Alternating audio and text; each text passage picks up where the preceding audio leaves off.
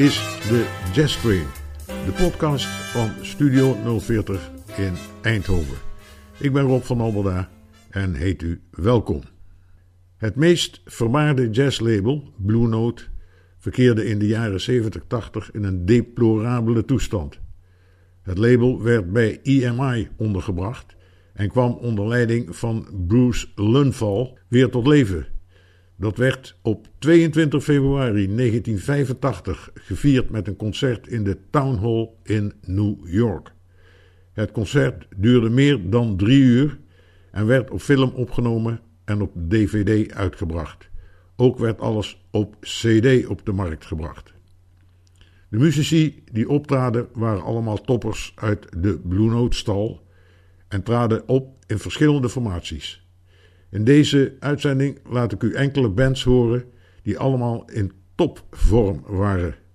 De eerste band bestond uit trompetist Freddie Herbert, saxofonist Joe Henderson, pianist Herbie Hancock, bassist Ron Carter en drummer Tony Williams en vibrafonist Bobby Hutcherson. Hier komt de fijne Joe Henderson compositie Recorda Me.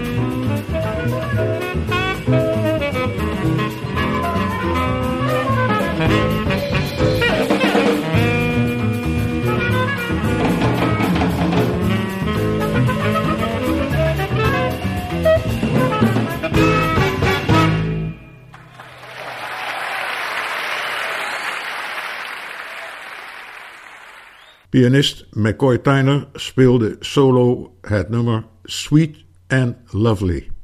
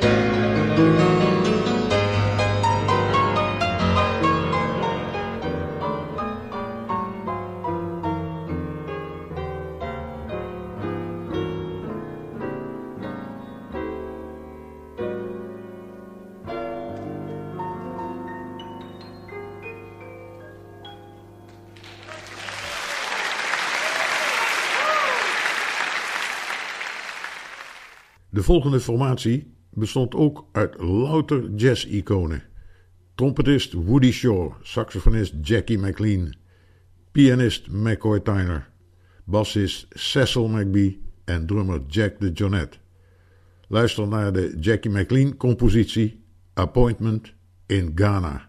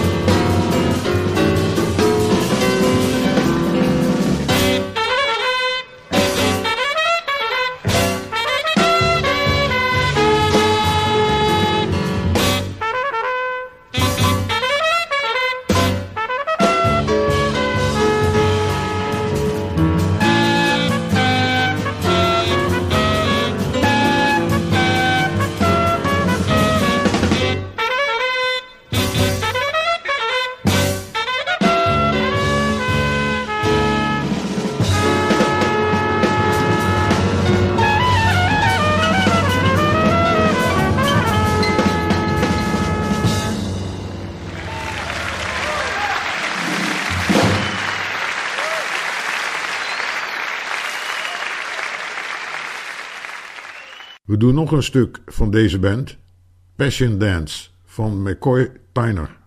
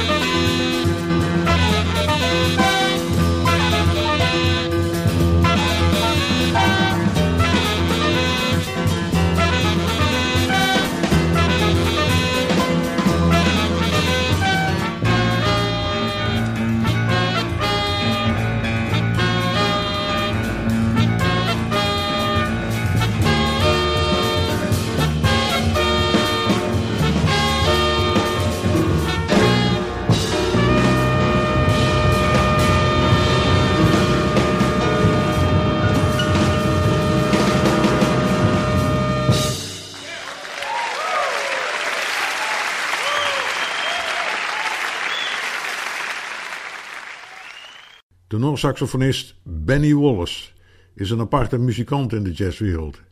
Hij is van alle markten thuis, maar heeft niettemin een zeer herkenbare eigen stijl. Helaas horen we tegenwoordig niet veel meer van hem. Dat is jammer.